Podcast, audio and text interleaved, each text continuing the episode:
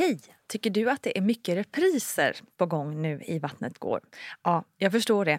Det beror helt enkelt på att jag, Nina Campioni, just nu har en pop-up second hand i Modgallerian i Stockholm.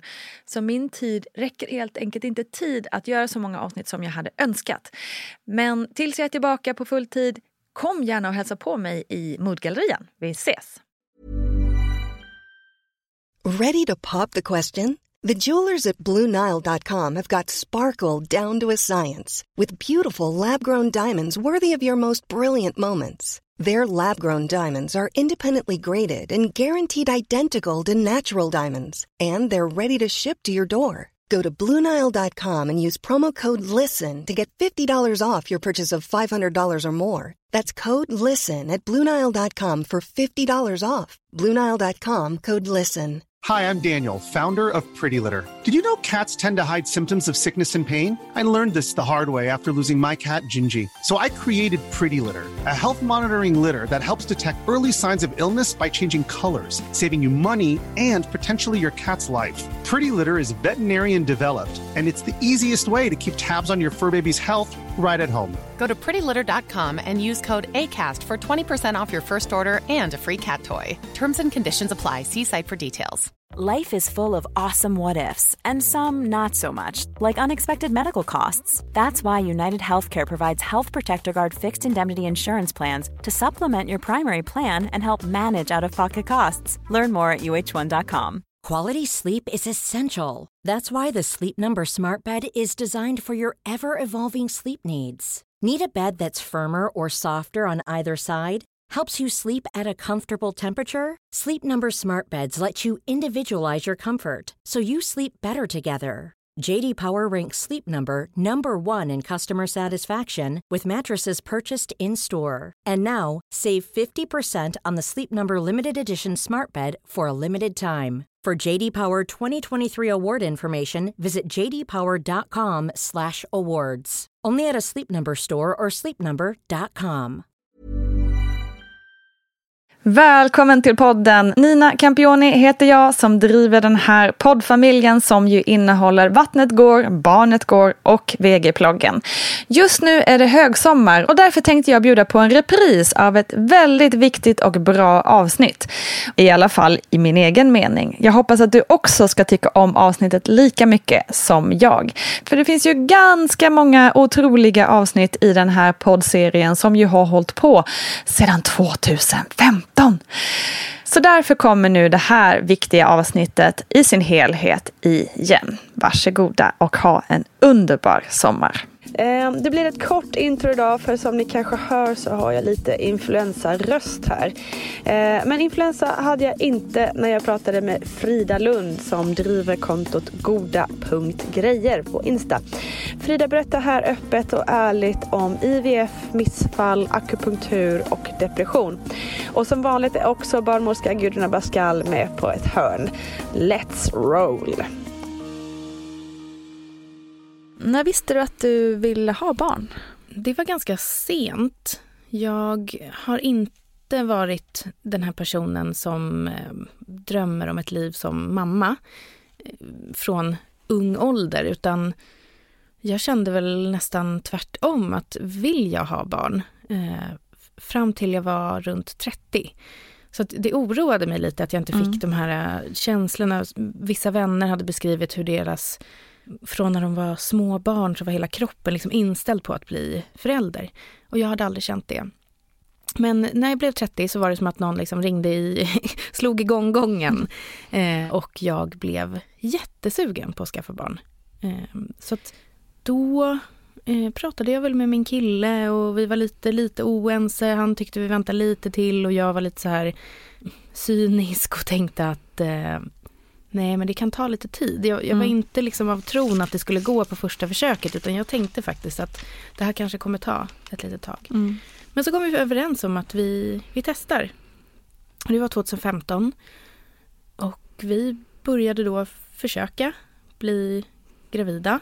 Eh, och det gick, gick ett år och det året skulle jag väl säga kanske att Första halvåret kändes rätt cool. Det var lite Mm. sådär, men det kan, ju ta, det kan ju ta ett år och för många tar det längre. Och, Man är beredd på det liksom. Ja, men lite. Även om jag egentligen ärligt talat kanske tyckte att det blev jobbigt redan efter tre månader. Mm. Inte sådär äh, hjärtsnurpande sorgjobbigt, men ändå så här, hm, det känns inte helt bra. Mm. Det känns tråkigt att behöva tajma de här jäkla ägglossningarna. Man kissade på någon sticka och så blev det en glad gubbe och den var inte alls glad för då skulle man liksom tvångsligga. Och, Mm.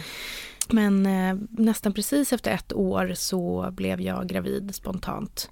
Och det var sommar och jag kommer ihåg att jag, jag, skulle, jag skulle gå ut och dricka vin med en kompis på kvällen och hade någon, någon känsla som jag inte hade haft tidigare. För att när man försöker så är det vanligt att man kanske framkallar lite symptom.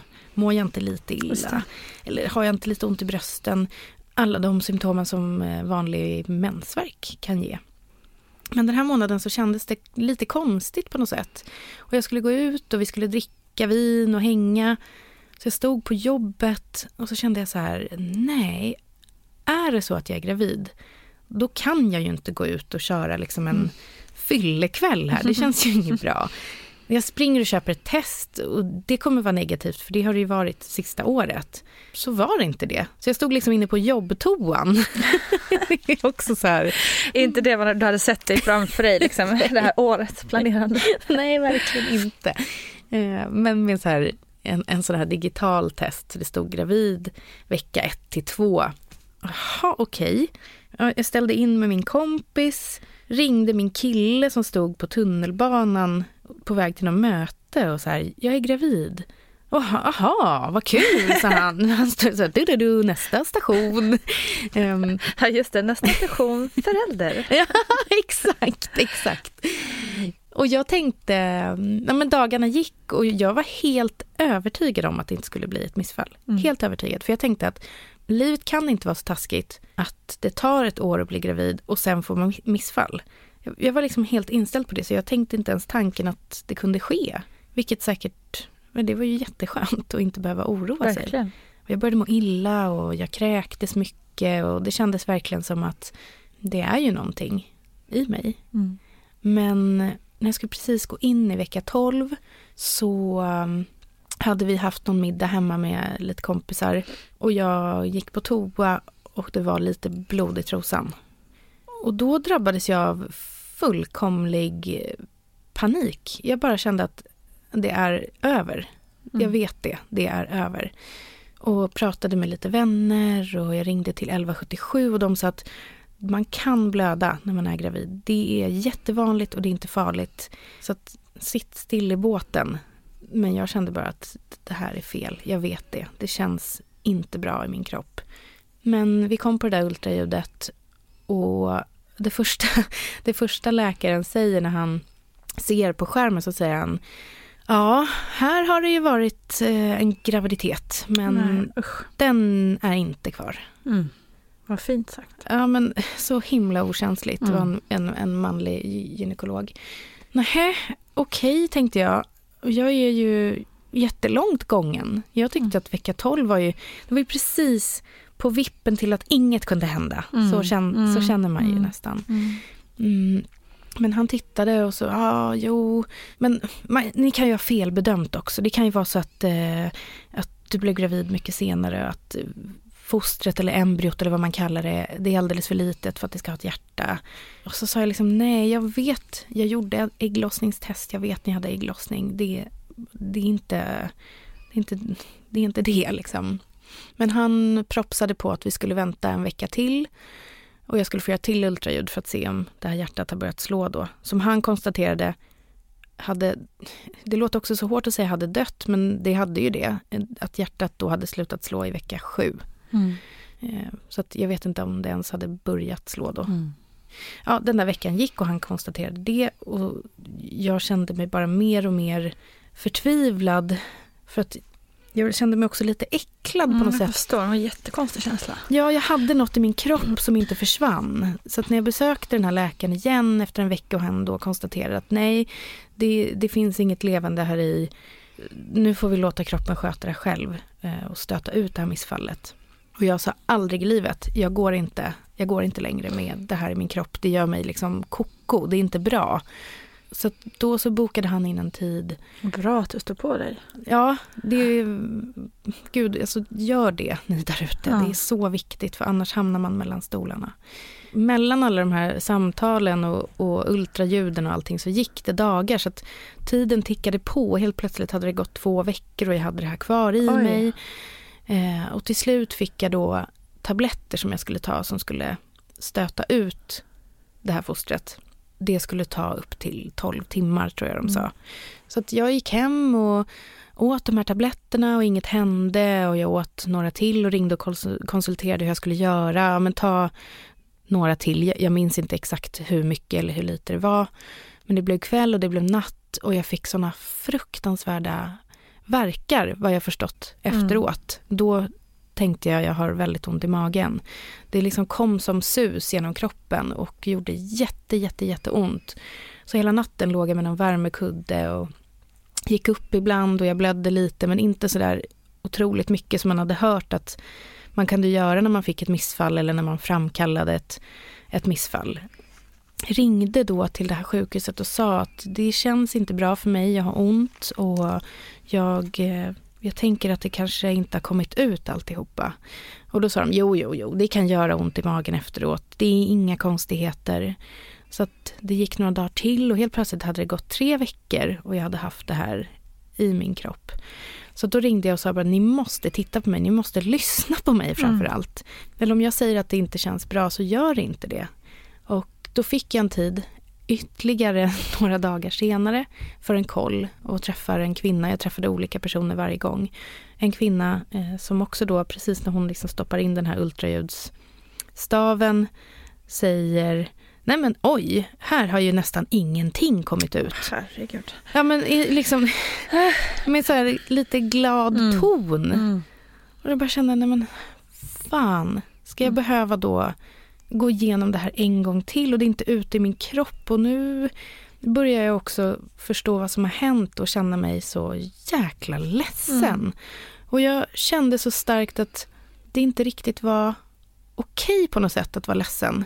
Så jag, jag tryckte bort det mycket för jag tänkte att det är, folk får ju missfall hela tiden och när man läser så är det så himla vanligt. Så att jag kanske inte ska vara så här ledsen över det här missfallet för att många går ju igenom det. Mm. Men inombords så kände jag bara att det gjorde så fruktansvärt ont och jag kände verkligen att jag hade förlorat mm. en glädje som hade växt i mig under de här veckorna. Mm, det är klart. Statistiken liksom talar ju inte för hur man känner inombords. Nej, men precis. Men jag fick åka till ett sjukhus och eh, så skrapade de mig. Jag kan nästan känna att jag inte riktigt minns för att jag tyckte att det var så fruktansvärt. Mm.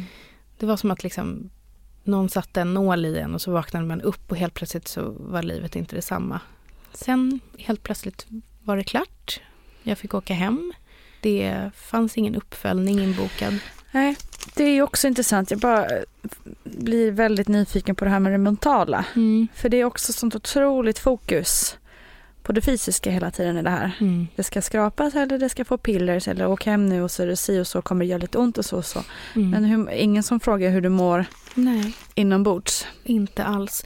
Och jag trodde att det var kutym att man blev, eh, att man fick fråga när man ville gå och prata med mm. någon eller så. Jag menar jag hade ändå legat på den där britsen och hulkgråtit mm. i ren och skär panik. Mm. Och jag kommer ihåg att jag sa precis innan man skulle få den där masken över över näsan att jag sa liksom, jag vill inte, jag vill inte, ni får inte tro att det här är en frivillig abort, för jag vill inte. Och sen liksom, det är inte fel att göra en frivillig abort, men jag ville ju inte det. Men det var bara så här, hej och hå, känner du att du kan stå på benen och åka hem så får du åka mm. hem. Erbjuds inte terapi eller samtalshjälp eh, vid aborter och missfall och så vidare? Jo, alltså åtminstone det, om, vad jag känner till och att titta i programmen och så vidare så är det så. Är men däremot kanske inte terapi och psykolog, men däremot att alla erbjuds en kuratorskontakt. Så att, och där menar jag att man tar upp det och sen kan man gå vidare om man behöver då psykologer och så vidare. Men ja, ett kuratorssamtal ska alltid ingå när man har genomgått en legal abort eller ett missfall, vilket eh, den är. Så kuratorskontakt, ja. Månaderna gick det blev vinter och det började bli vår och jag började känna mig så himla konstig och trött. Jag somnade stående, jag somnade på tunnelbanan, jag somnade på krogen. Alltså, obs, inte av alkohol. bara, oh, vilken rolig kväll. Eh, eh, och kände mig så... Alltså jag var så trött så att det gick inte att hålla upp ögonen. Och jag åkte, skulle åka till en kompis en kväll med bilen och fick panikångest, vilket jag aldrig upplevt förut. I, I bilen så bara var det som att världen försvann under mina fötter. Gud vad obehagligt. Ja, det var så fruktansvärt läskigt så jag fick köra av vägen och ställa mig på någon liten väg.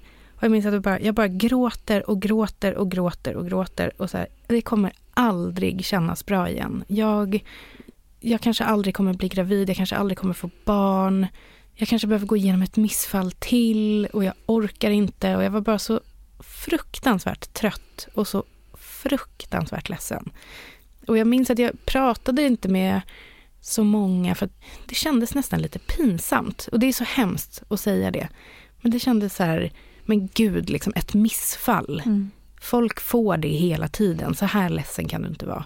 Det var ingen som sa så till mig, men men jag kände lite så att jag till och med hemma så här studsade runt och var glad fast det, jag var inte det.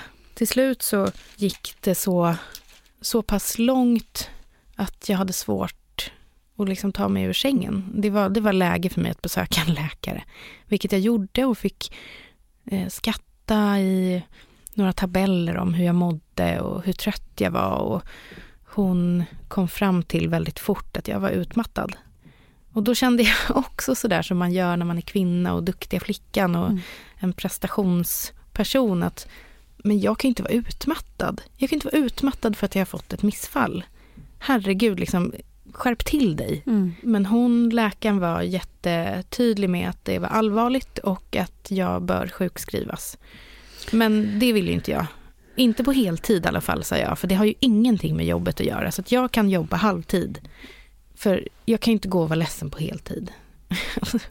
också så oerhört dumt i efterhand. Fast det känns ju också extremt mänskligt. Jag hade säkert alltså, garanterat reagerat på samma sätt. Ja. Men jag blir återigen, bara för att koppla tillbaka, sån jävla waste. Varför inte plocka upp det här mm. från början? Mm. När man får sitt missfall. Mm.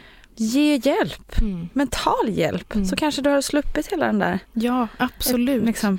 Om jag bara hade fått veta att det var okej okay att mm. vara så ledsen. Mm. Och att inte allting... Och få bearbeta det från början. Ja, och att inte allting skulle vara så himla kliniskt hela tiden. Att så här, du ska skrapas. Det var nästan som att man, det kändes som att man pratade med en robot. Låg där liksom mer skör än vad man någonsin har varit i hela sitt liv. Mm.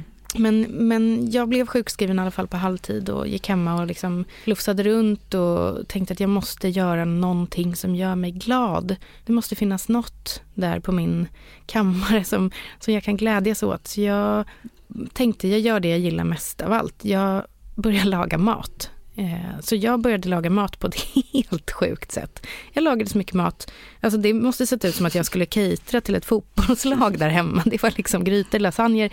Och bara stod och hackade och fixade och tuttade med det där. All den tid jag inte var på jobbet. Och sen så bara, jaha, vad ska jag göra med allt det här då? Ja, men jag startar ett litet Instagramkonto och så lägger jag upp någon bild på en ful milkshake som jag har gjort. Och, ja, men liksom, sakta men säkert så ändrades fokuset till att det kontot skulle bli ett, ett uh, mysigt, härligt konto för oss tjejer som inte tycker att det ska finnas dieter och mathets och ångest kring mat och så här. Det känns som att vi är typ ett litet crew där som jobbar mycket tillsammans för att det ska kännas okej okay att beställa in en plankstek som tjej och inte behöva fokusera på det här, sallad och mm. allt sånt där. Vilket också är gott, men det är ju godare med sås. Gud ja. um, det var vår och jag var sjukskriven halvtid. Och sommaren nalkades och jag kände att efter sommaren har det gått två år. Och inget har hänt efter det där första året. Nu är det väl ändå dags för oss att göra en utredning. Så att vi bokade in en fertilitetsutredning. Ringde bara till en gynekologmottagning och sa att det här och det här har vi gått igenom. Kan man göra det och se? Och det kunde man. Eh, men det var inga konstigheter. De kunde inte hitta något utan det, det fanns ingen, inget svar på varför det inte gick. Hur kändes det då, att liksom inte ha något svar? Blandade känslor. För jag tänkte att om det är något så kan vi lösa det mm. förhoppningsvis, om det inte är något major. Men är det så att mina äggångar är lite blockade, men spola igenom dem då så blir vi gravida sen. Men det var liksom ingenting. Eh, det gick inte att svara på. De tyckte väl att absolut, det, det är läge för er att, att göra IVF. Men mm. vi stänger ju över sommaren så att njut mm. nu. njut under den här sommaren eh, så hörs vi i höst.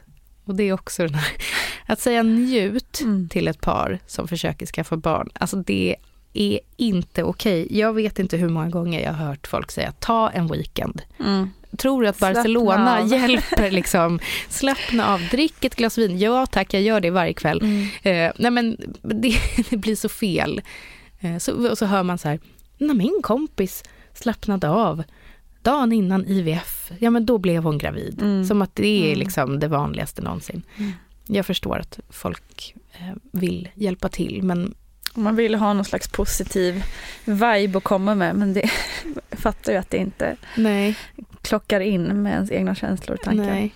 Det enda jag hört som jag faktiskt eh, måste säga vidare, det var, jag var på en middag eh, och hamnade bredvid Lina Thomsgård. Mm. Shoutout. Som för övrigt också har varit gäst här. Mm. Check it out. Yes, verkligen. Och vi började prata och jag har alltid varit ganska det är inte så att jag basunerat ut det här till människor att så jag och min kille försöker få barn eller jag har genomgått missfall och sånt. Men jag har tänkt att det är inget jag ska hymla med för att det är så himla viktigt mm. för andra att kunna känna samhörighet i den problematiken. Så vi pratade om det och då sa hon så här. Alla jag känner som någonsin har försökt skaffa barn eller eh, som försöker skaffa barn har lyckats till slut. Mm. Alla jag känner. Och jag fick någon kraft av det. Jag hade aldrig hört någon säga så förut. Och jag vet ju att det är ju inte så för alla. Men för alla hon kände. Så att jag gick ifrån den där middagen då med lite positiv energi. Och man kan ju ta med sig det om man vill. Att de allra flesta lyckas. Det mm. kanske tar jättemånga år. Mm. Men Precis. det brukar gå till mm. slut. På ett eller annat sätt.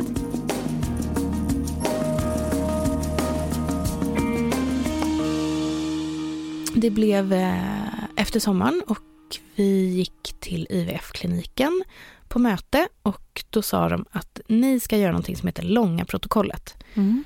Och det finns korta protokollet och långa protokollet IVF. Och det långa är att man tar en nässpray ett par veckor som försätter en i ett för tidigt klimakterie. Man liksom stänger ner systemet mm. för att sen skjutsa igång systemet med sprutor. Så att i tre veckor så fick jag ta nässpray. Och det var inte jättekul att hamna i klimakteriet. Nej, det var svettigt och jag fick utbrott och var inte superhärlig person att leva med just då. Men jag kände, samma dag som vi startade IVFen så kände jag yes, vad skönt, äntligen så är detta utom min kontroll. Mm. Nu ska jag bara flyta med. De sista två åren har jag klockat och tajmat och fixat och hållit på. Jag kan inte göra ett skit nu för att förändra, utan nu är det någon annan som mm. skriver upp exakt vilka tider jag ska ta min spruta, när jag ska ta nässprayen och hur jag ska göra. Och nu är jag igång. Liksom. Nu är jag igång. Så att jag tyckte att hela IVF-proceduren var jätteskön, för att jag kände att jag äntligen kunde slappna av efter så länge. Så jag tog den nässprayen och sen var det dags för sprutor som man tar i magen. Och under tiden man tar dem så går man till sin lilla IVF-klinik och så tittar man så att det utvecklas äggblåsor som man sen då vill befrukta. Mm. Och det gjorde det på mig. Och det utvecklades många och de såg jättebra ut. Så att efter ja, 10-12 dagar med sprutor så bestämde man sig för att göra ett äggplock som det heter. Då man går in med en liten nål. Det är otroligt att man kan göra det och liksom mm. slopp, suger ut de här blåsorna och befruktar dem på mm. utsidan. Ja, det är så häftigt. Det är så himla häftigt. Tänk att, att man kan göra mm. så. Och att liksom ett litet, litet embryo har funnits utanför kroppen mm. innan det faktiskt finns mm. inne. Mm. Det är så himla fint. Men det är så coolt. Jag har en kompis som, som har gått igenom eh, samma som du berättade om och hon var på besök nu alldeles nyss med sitt nya barn. Mm. Eh, och jag, då frågade jag naturligtvis, jag bara, men mm, tror du att ni vill göra det igen? Liksom? Mm. Ja, alltså vi har ju två embryo kvar i frysen. Ja.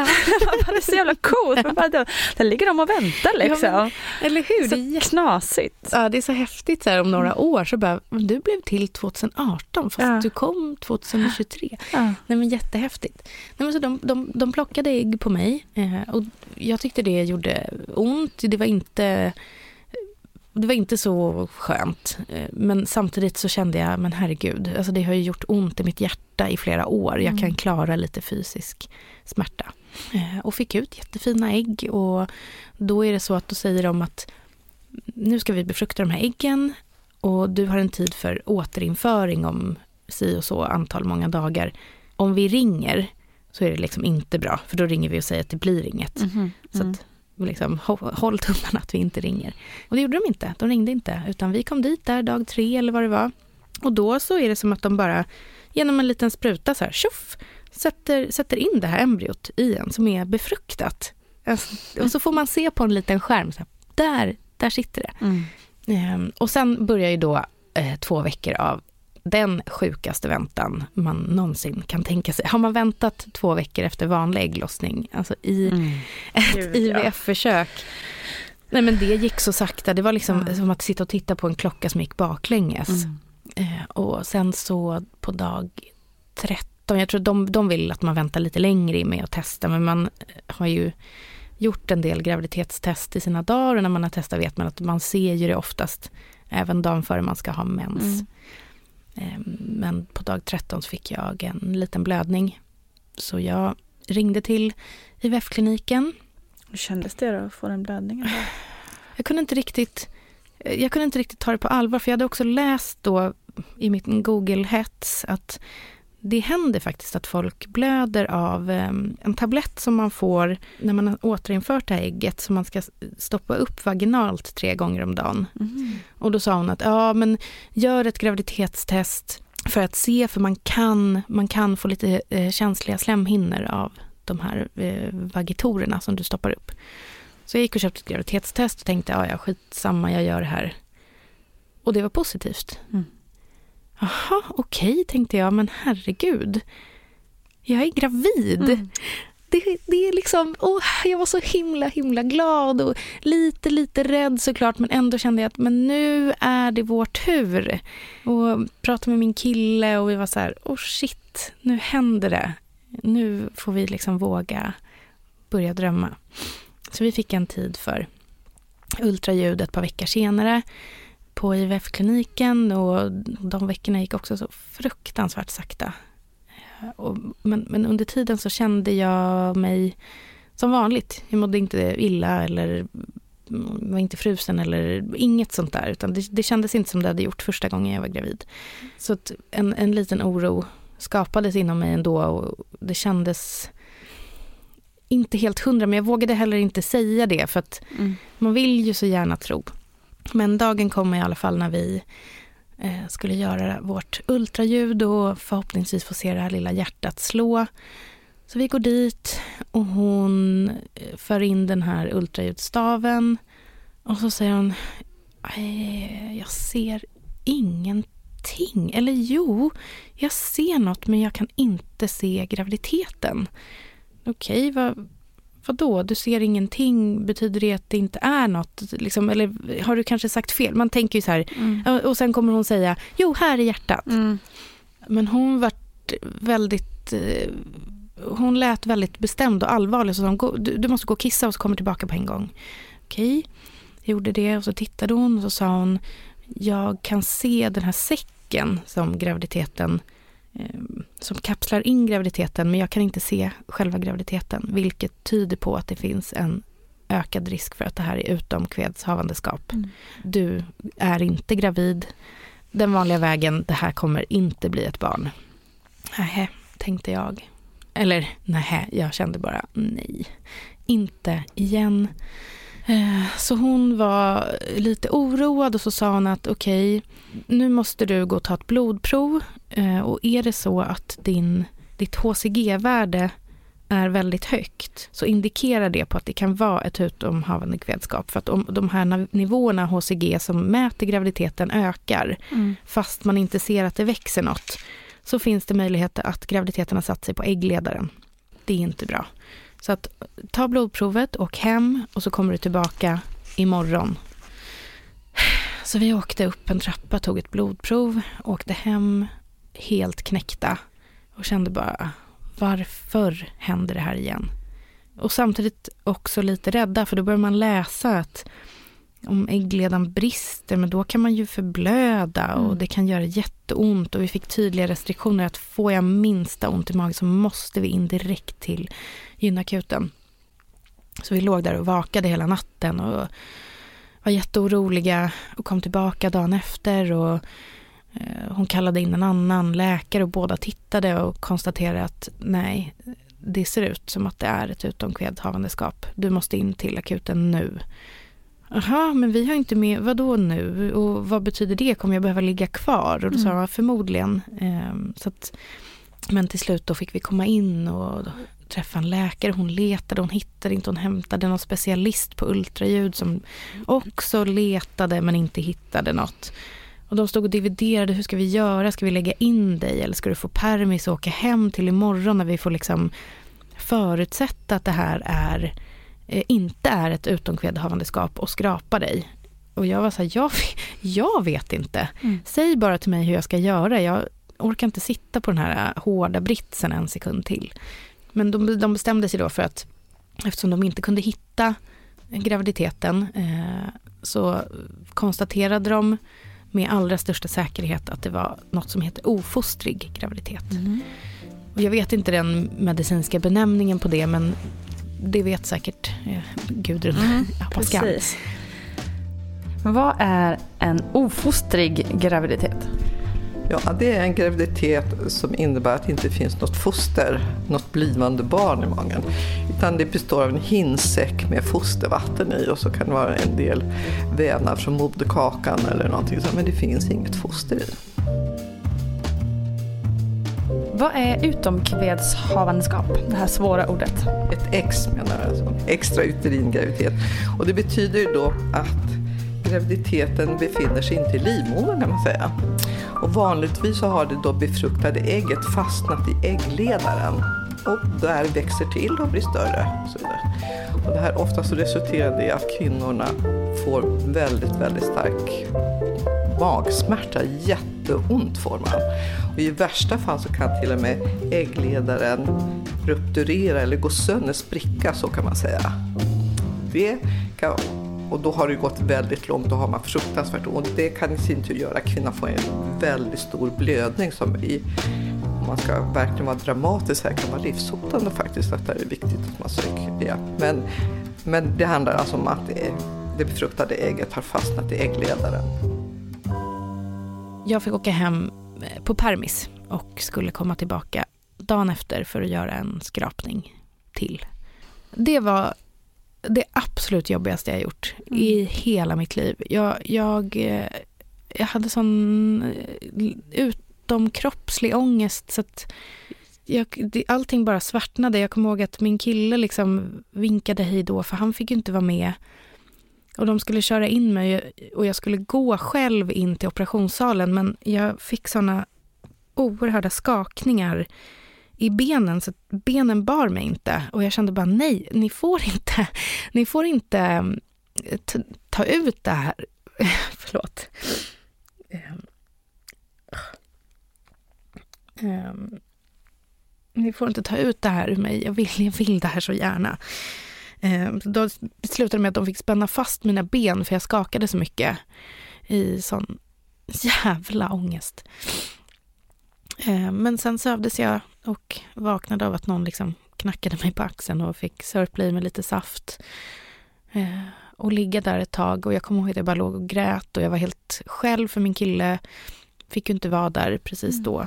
Och då, då ligger en kvinna bakom skynket bredvid som, som frågar hur jag mår. Jag säger jag mår jättedåligt, jag är så ledsen, jag har behövt göra en abort fast jag inte vill. Och då började hon gråta och sa jag har också gjort mm. det. Och det var så himla fint i allt det här fula. Så vi låg där och pratade, jag vet inte idag än hur hon ser ut. Men jag minns hennes röst, jag minns hennes vänlighet och vi liksom tröstade varandra utan att vi såg varandra på något sätt. Det var, det var väldigt fint i, i det sorgliga. eh, men sen var det också bara så här, ja, känner du att du kan stå på benen och åka hem? Mm. Ja, ingen frågade mig om jag ville prata med någon fast de visste, alltså. de visste att det här var ja, gång två. De hade sett att jag fick panikångest när jag skulle in. Och mm. De sa bara så här, du, vi måste fortfarande utesluta att det inte är ett utomskede havandeskap så du måste komma hit varje dag eh, och ta blodprov så att vi ser att HCG-nivåerna går ner. För gör de det så är det ett vanligt missfall. Och någon vecka senare så skulle jag tillbaka på möte hos IVF-kliniken och planera då nästa försök. Och då hamnar jag, på, på det stället så hade de så här, de hade lite växter typ framför fåtöljerna man satt. Så det stod ett läkarteam bakom de här växterna och jag tror att de såg inte att jag satt där. De började prata och så pratade de så här, hur ska vi göra nu med den här nya forskningen som visar att eh, akupunktur kan hjälpa att behålla en graviditet? Ska vi ta in en akupunktör hit? Liksom, vi måste snacka om det här. Och jag liksom spände öronen och bara, mm -hmm, vad pratar de om? Och, och någon vecka innan så hade jag hört löst från någon att man kan ju testa kinesisk medicin. Mm. Men jag hade tänkt så här, men det där är liksom the last resort. Jag tänker inte börja med någon mumbo jumbo typ. Så tänkte jag. Jättedumt, för att den medicinen går ju tillbaka rätt mycket längre än vår västerländska. ja. Eh, men jag gick därifrån så kände jag, men ha, nu pratar de om akupunktur, jag har hört akupunktur. Jag, jag går hem och googlar lite. Så jag eh, gick hem och googlade kinesisk läkare, ofrivillig barnlöshet. Eh, hittade en och kände, äh, skitsamma, jag ringer och kollar. Så jag ringde till någon och fick prata med en kvinna. Och hon sa, jag har tid redan imorgon, du kan komma om du vill. Mm. Jaha, okej. Okay. Uh, ja, ja, jag gör väl det. Jag har ju inget att förlora. Så att jag gick till hennes klinik och hon fick svara, jag fick svara på säkert hundra frågor om så här, hur ser dina flytningar ut? Typ, hur ser ditt saliv ut? Hon tittade i min mun och bara, du äter inte kött va? Nej, Nej det, måste du börja med om du ska, om du ska yes. gå här och bli gravid, enligt henne då. Uh. Ja, Okej, okay, ja visst, jag gör vad som helst. Uh. Um, nej, men så jag började gå hos henne. Uh, hon gjorde akupunktur och så fick jag örter som jag varannan dag skulle koka. Det luktade riktigt äckligt hemma. Och det tog två timmar varje gång att göra det här koket. Oj, um. tur att du var inne i din matlagningsfas. ja, precis. Jag kanske blev äcklad av, av doften. Uh, men jag gick till henne och jag kände så här, eh, jag testar det här ett tag. Jag har inget att förlora. Vadå, så du fick eh, både så nålar och så då och mm. sen att du skulle dricka det här? Mm, mm. Precis. Jag gick dit en gång i veckan. Uh, nej men och veckorna gick och ingenting hände, jag fick inte min mens var tillbaka på IVF-kliniken och bara, kan, ni liksom, kan man inte sätta igång mensen? Kan, gör något, typ starta upp mig. Ni borde ju, mm. kan ni fixa barn genom IVF så kan ni väl i alla fall starta igång min kropp. Och de var så men det kan dröja jättelänge. Och jag var liksom, men fan det blir snart jul och man är ju så himla målmedveten. Alltså Klart. det ska bli en graviditet, det är inget snack. Jag vill bara göra det nu igen. Mm. Eh, och sen så, ja, men det blev december och jag fyllde år och bestämde mig att jag har en liten fest. Jag måste liksom, det måste finnas någonting roligt i livet också. Och min mamma och svärmor var, var hos mig dagen innan. Jag var så jäkla trött och bara låg på soffan och kände att fan, jag bokar en fest, det kanske är onödigt. Jag är så trött och jag är så utbränd och liksom mår dåligt. Men den dagen kom och jag hade fest, det var jättekul. Och så dagen efter satt jag och min kille åt frukost, han skulle iväg på något julbord. Och så sa han i förbifarten, du är lite konstig. du är jättetrött ju och frusen och så här. Tänk om du är gravid. Och jag kommer ihåg att jag blev vansinnig. Jag var superkränkt och bara, men hur kan du säga så? Det är klart jag inte är gravid, jag har inte fått min mens. Så bara, eh. nej men, nej men liksom, jag, är ju, jag mår ju så här för att jag är ledsen. Mm. Och då var det som att i en så handvändning, jag bara reste mig upp, gick in på toaletten, hade något så här deppigt eh, gravtest från IVF-kliniken som ser ut som bara en liten lapp. Det är typ som en mm. papperslapp. Eh, de känns nästan overkliga. Kissade på den där stickan. Jag hann knappt, jag hann knappt eh, ta upp den förrän jag såg att det var två streck. Mm. Och bara what the fuck. Förlåt om jag svär. Eh, ha, här står jag helt ensam hemma och min kille är inte här. Vem, liksom, jag måste prata med någon. Han kom hem och jag visade den här och vi båda var så här, nej, det kan ju inte vara så. Nej, kom jag på. Men gud, det är ju kvar. Det måste ju vara rester mm. kvar från förra graviditeten. Och herregud. Och nej, de har inte fått ut allting. Nu kommer jag behöva gå igenom en till skrapning. Fan. Eh, så jag, eh, dagen efter gick jag och köpte till graviditetstest, tog det och det visade också positivt. Ehm, och då hade jag tid hos den här kinesiska läkaren den dagen. Så jag kom in till henne i all hast och satte mig. Och hon, det hon alltid gjorde först innan hon gjorde något annat var att ta pulsen på en. Så hon tog min puls och så sa hon, du har ormpuls. Hm. Du är gravid. Va? Ormpuls? Ja. Hur fan kan du veta ah. det? Vad menar du? Så sa jag, jag tog ett graviditetstest igår, och, men, jag, men, men det kan inte vara en graviditet. Jo, jo, du är gravid, sa hon.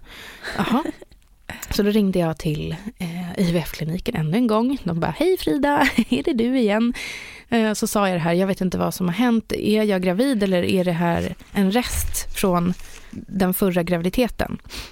Och då sa han, det enda sättet att ta reda på det är att göra ett blodprov eh, och så jämför vi det med sista blodprovet du tog vid förra missfallet. Mm. Kom hit och gör det, jag ringer dig imorgon. Så det gjorde jag. Väntade på hans samtal.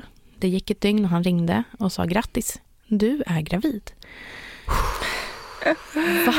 Är jag gravid? Spontant. Kom hem och så har jag fått en blödning. Nej, men gud.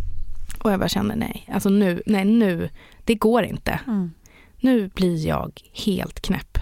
Jag klarar inte av det här en gång till. Vad gör jag nu? Jo, jag ringde igen till kliniken. Jag måste få ett ultraljud. Ja, men det är alldeles för tidigt. Vi kan boka in det om några veckor. Och så sa jag, men, jag, men, men jag, är, jag har ju fått ett missfall. Jag vet att det är ett missfall. Jag känner det. Det är inte på riktigt. Och ni måste hjälpa mig. Jag klarar inte det här. Och då sa de, men vi kan inte gå in och göra någonting när vi inte vet. Det kan ju faktiskt vara så att du har fått en blödning fast du är gravid. Okej, okay. det var bara att vänta då. Eh, och jag väntade och det gick några dagar. Jag började må jätteilla och jag började kräkas. Och jag minns att det var så fruktansvärt arg på min kropp som utsatte mig för de här symptomen när det mm. var ett missfall. Jag var säker på att det var ett missfall till. Eh, och efter någon vecka eller två så fick jag en till blödning. Och då sa jag till min kille, nu åker vi till gynakuten, de måste ta bort det här. Till slut så får vi träffa en läkare och jag lägger mig på britsen och lägger händerna för ögonen och säger bara att säg, säg bara till när det är över. Jag mm. liksom väcker mig när det är klart. Eh, och hon börjar göra ett ultraljud och så säger hon, ja men det här ser bra ut. Och jag tänker, men vad säger du? Mm. Är, det ett bra missfall? Liksom, är du dum i huvudet? Så kände jag. Så jag liksom ryter till och säger, nej det gör det inte. Och då säger min kille, men Frida titta. Och jag, nej men jag vill inte titta. Men titta på skärmen. och så tittar jag upp och så slår ett litet hjärta där. Alltså det, det var det vackraste jag sett i hela mitt liv. Åh, det var så fint alltså. Och det tickade på och slog starkt. Och det var liksom, det var min son som låg där. Så fint. Nej, det var så fint. Det var så fint. Så vi gick liksom ut från gynakuten mitt i natten istället för liksom avgrundsdjup ångest i någon så här, men hur ska vi reagera nu? Oh, herregud. Gud vad jag gråter. ja, men, ja, men det var så fint och samtidigt så kom den här rädslan. Mm. Hjälp. Nu måste detta gå vägen. Oh, herregud. måste. Så jag bokade in ett ultraljud i veckan. Eh, jag kände att jag, alltså jag kan inte gå mer än typ fem dagar helst innan jag får Nej. se igen. Och sen helt plötsligt så var det vecka 13 och vi gjorde kubb och det gick bra. Och den låg där, eller han låg där och sprattlade och Ja, herregud. Det var... Det går liksom inte... Jag kan nästan inte förnimma den känslan idag för att den var så stor. Eh, Men, men samtidigt som den här lyckan så kräktes jag konstant. Jag bara spydde och spydde och spydde och spydde. Hela tiden. Men gud. Jag låg inne på handikappstoan på jobbet över toastolen. Också så här prestationssamhället. Mm. Och bara kräktes. Och jag kommer ihåg att jag tänkte som en vecka 13, vecka 13, det är då det går över, det är då det går över. Vecka 13 kom 14, 15, 16, 17. Det blev rutinultraljud. Ehm, och jag bara fortsatte kräkas. Eh, och jag kommer ihåg att jag tänkte då, men efter det stora ultraljudet, men då måste det ju släppa. Jag vet inte varför, men, men, men det är liksom någon form av milestone där. Ja. Eh, Men istället då, eh, för att släppa så började mina händer domna bort. De konstaterade då att jag hade fått en väldigt grav karpaltunnelsyndrom. Mm. Så att jag fick skenor jag skulle ha på nätterna. Eh, Min kille kallade mig för Robocop.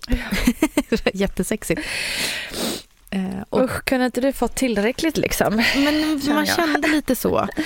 Och jag kommer ihåg att jag låg då så här, typ vecka 24 eller något, över toastolen och kräktes.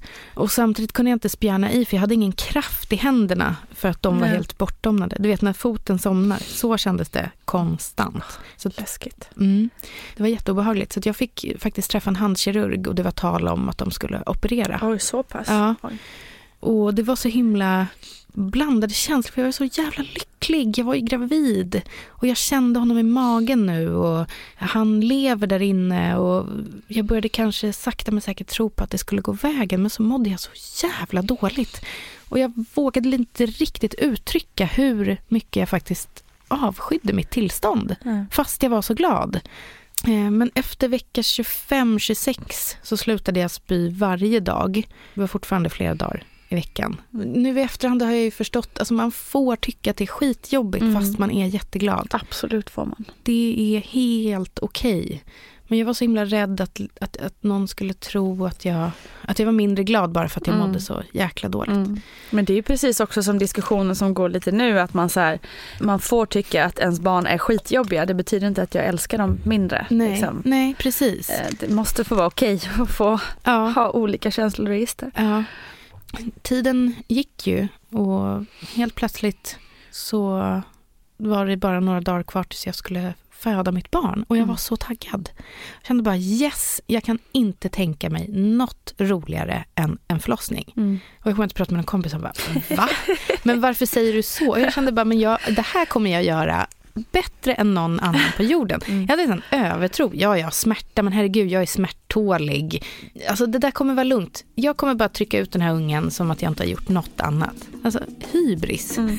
En ordentlig barnfödarhybris hade jag.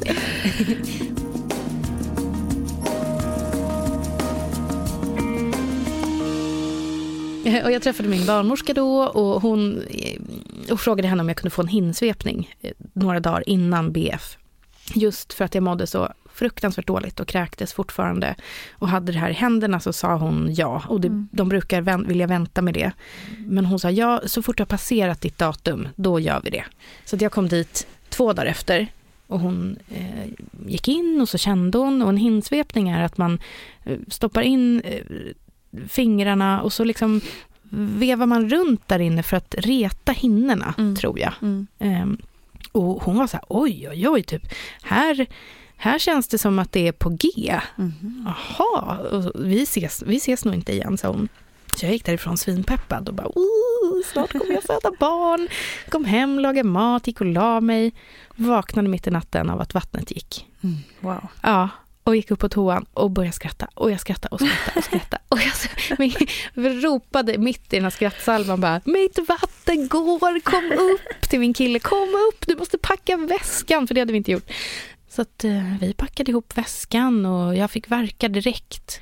Och liksom så här, ja, men, jag bara stod eh, och vankade. Jag bara kände så här, wow, typ, det här är inga problem. Stod och tog de här verkarna och sa, glöm inte kexchokladen och nu, nu drar vi.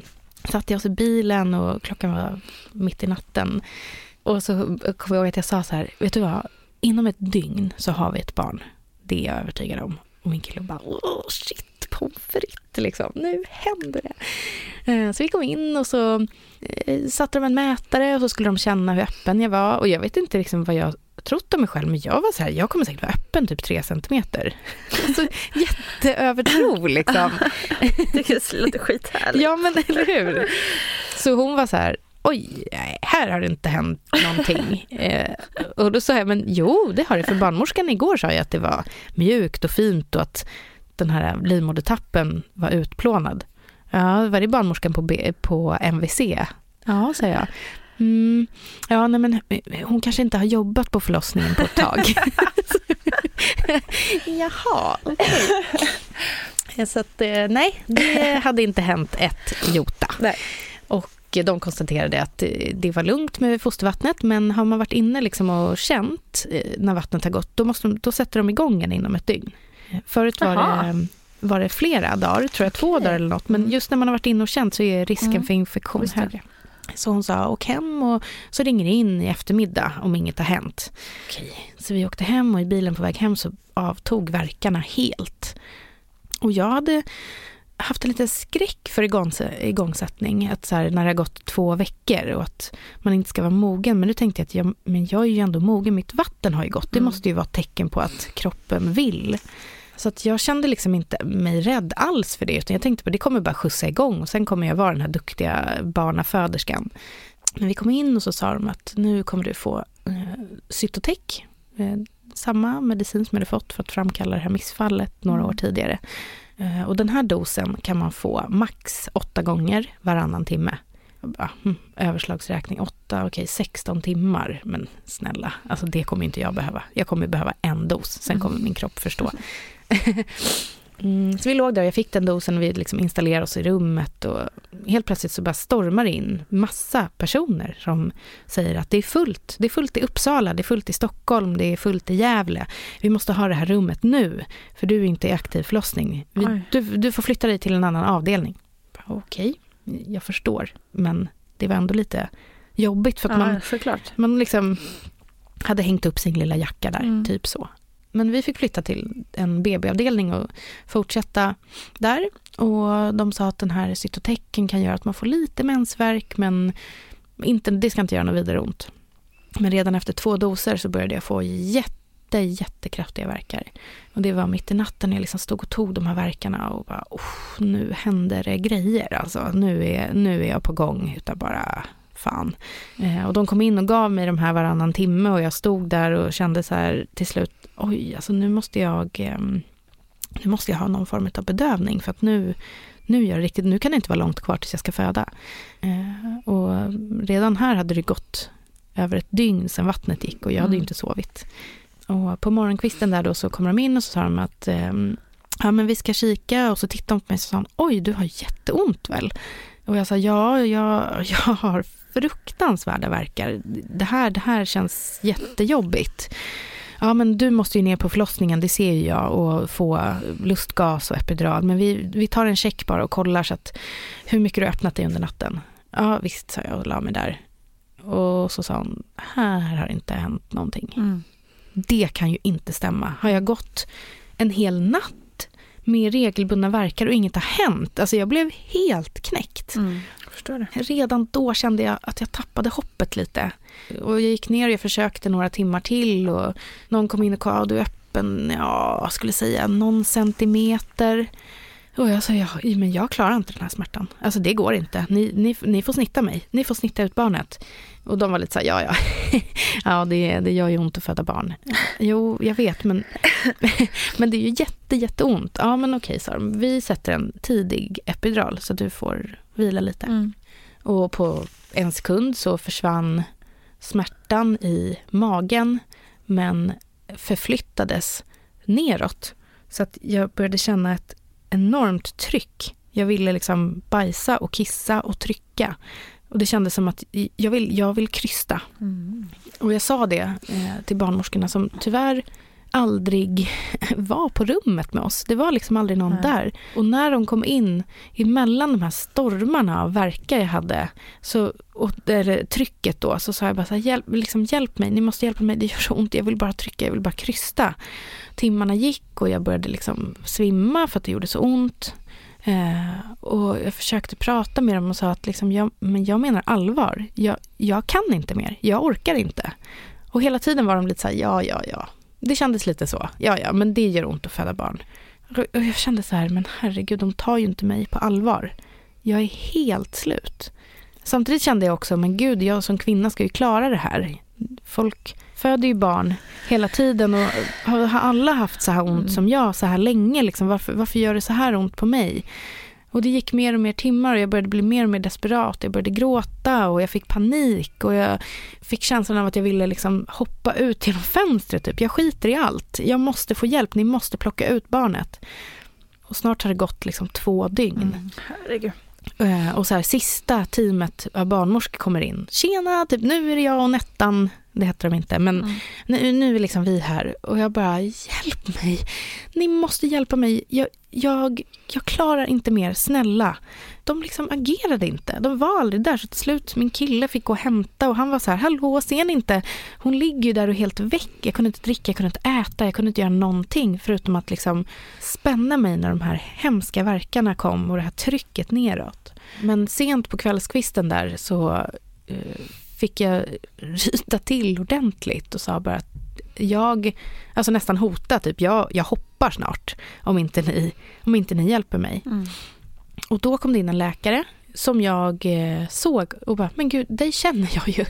Så var det en bekant till mig. Mm. Så jag liksom klamrade mig fast vid henne och bara, du, du måste hjälpa mig, du kan väl förstå att jag menar allvar. Så hon, eh, hon kände på mig och så sa hon, ah, nu är det öppen 5-6 centimeter. herregud, två, nästan två dygn. Mm. Det, det, det, är omöjligt. Jag liksom försökte prata och inte bara vara desperat utan typ så här, nu ska alla lyssna. Det här är allvar. Alltså, mm. Allmänheten hör mig. Så hon sa, men okej, vi testar en grej till. Jag testar att öppna dig med mina fingrar i nästa verk. Mm. Okej, okay, alltså gör vad du vill. Det lär ju inte göra ont, för allt annat gör jätteont. Mm. Så hon gjorde det. Och eh, hipp som happ så sa hon, nu är du öppen. Du är öppen 10 centimeter. Jag bara, va? eh, och det var inte så att jag log som jag gör nu och såg glad ut. Eh, men jag kände väl, okej, okay, men, men då är det ju dags. Eller? Är det inte vid 10 centimeter man bara börjar trycka? Mm. Mm, ja, bebisen ska ju ner också. Det här med att man kan öppna sig från 5 cm till 10 cm med hjälp av att barnmorskan använder sina egna fingrar. Hur lätt inom situationstecken är det att göra på det här viset? Aj, aj, aj, aj, aj vad ont gör. Åh! Säger jag då om jag är kvinna som man gör det här på om man inte har ryggbedövning. Så visst kan man vidga modermunnen, det är inte speciellt svårt. Sen beror det på också vilken typ av vävnader som kvinnan har. Om de är väldigt strama då är det ju svårare naturligtvis. Men de mjuka eftergivliga så är det betydligt lättare. Och det här är ju någonting som måste ske i största samförstånd mellan kvinnan och barnmorskan. Men alltså, det är inte säkert att förlossningen går fortare för det, för det räcker ju inte med att det öppnar sig. Barnets huvud måste ju tränga ner och att man dilaterar kan, behöver inte innebära att barnets huvud tränger ner enklare. Jag brukar säga att jag, jag har hellre en kvinna som är öppen 4-5 centimeter och det står långt ner i förlossningskanalen än att det är öppet 10 centimeter och står högt upp i förlossningskanalen. För det, hur barnet tränger ner ändå, så är det för mig det, det som är det viktigaste för att barnet ska komma in. Men naturligtvis är det kombot av båda delarna.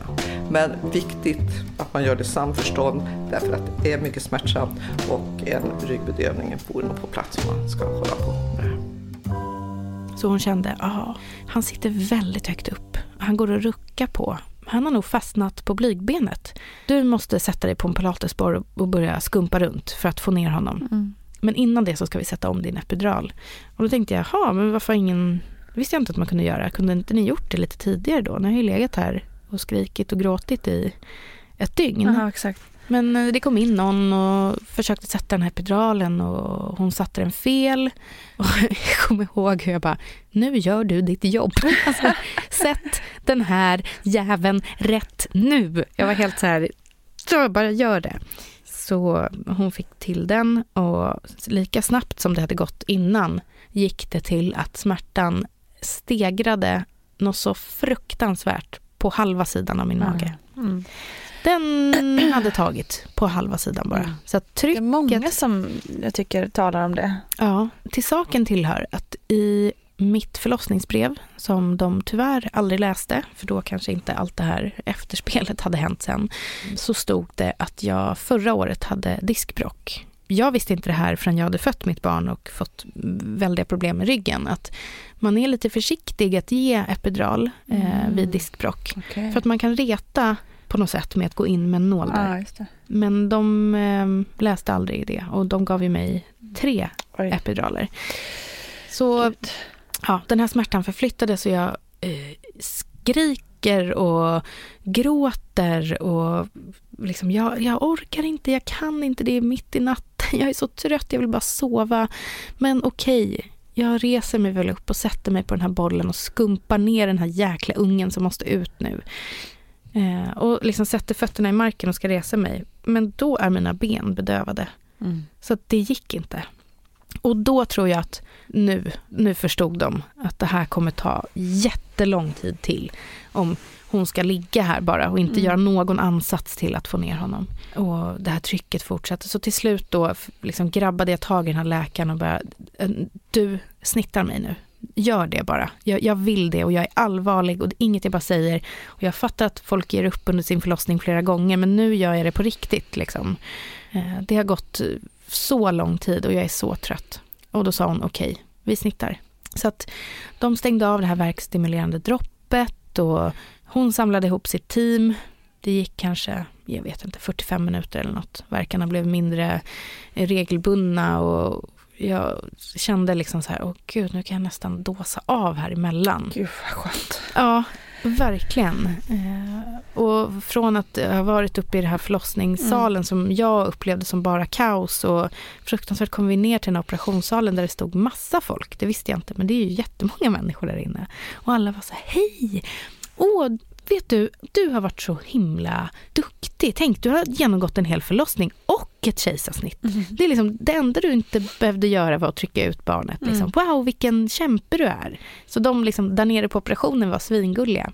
Och de började, ja men gav bedövning och jag och min kille satt där och, eh, eller satt, jag låg. Och, och då minns jag att jag tänkte, typ så här, är det taskigt mot mitt barn om jag försöker bara sova en liten, Ja. liten stund? Jag var så himla, jag var så Ja. trött. Eh, Men de höll på att joxa och så frågade jag så här, hoho, typ över skynket, hur, hur går det? Och sekunden senare så hör jag bara så här, well. Och så kom min lilla son eh, och de visade, eh, visade honom för mig och sen så fick eh, min kille gå iväg och de har ju klippt navelsträngen då eftersom den sitter Mm. fast men symboliskt så fick han klippa den. Eh, Och så kom de eh, tillbaka och så satte han sig vid min, vid min huvudända med våran son Florens. Och så satt vi där och tittade på honom och så var han född. och det var helt overkligt. Och jag kände, jag kände just då, om jag ska vara ärlig, fortfarande, jag är så trött. Jag kan inte Ja, riktigt det- förstå. Så den det är här- helt rimligt att du kände så. Ja, och den här känslan som många pratat om att man känner alltså, instant kärlek. Mm. Det gjorde jag inte. Jag kände inte att det var jobbigt att titta på honom eller så, men jag kände bara så här, jag måste få sova Mm. innan jag kan ta mig, ta mig an dig. Så vi rullades upp och det var fullt överallt på BB så att vi fick rullas in i den här förlossningssalen igen som vi hade varit i så många timmar. Och låg där och jag, han låg, han bara låg där på mitt bröst helt plötsligt och tittade upp med sina fina ögon i mina och, och, och så fanns han.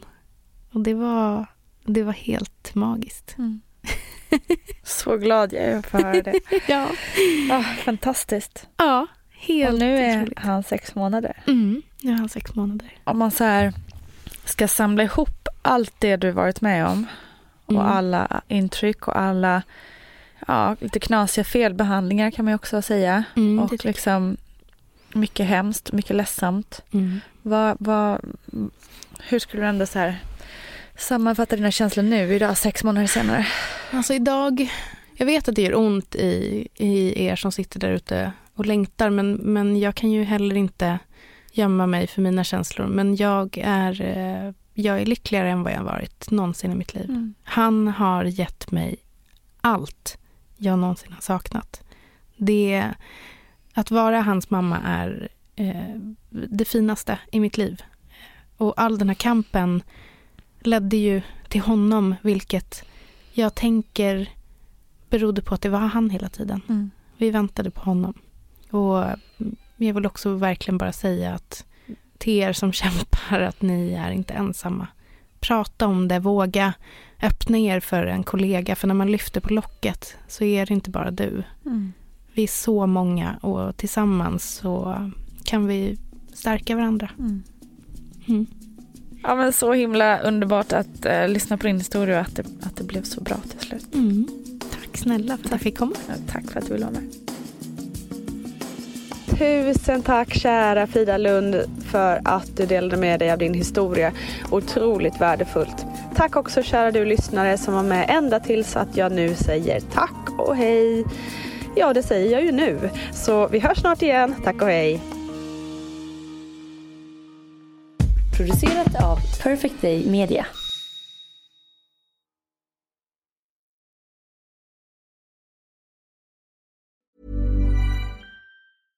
Ever catch yourself eating the same flavorless dinner three days in a row? Dreaming of something better? Well, HelloFresh is your guilt-free dream come true, baby. It's me, Kiki Palmer.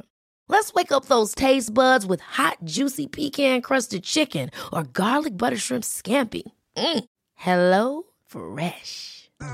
Stop dreaming of all the delicious possibilities and dig in at HelloFresh.com. Let's get this dinner party started.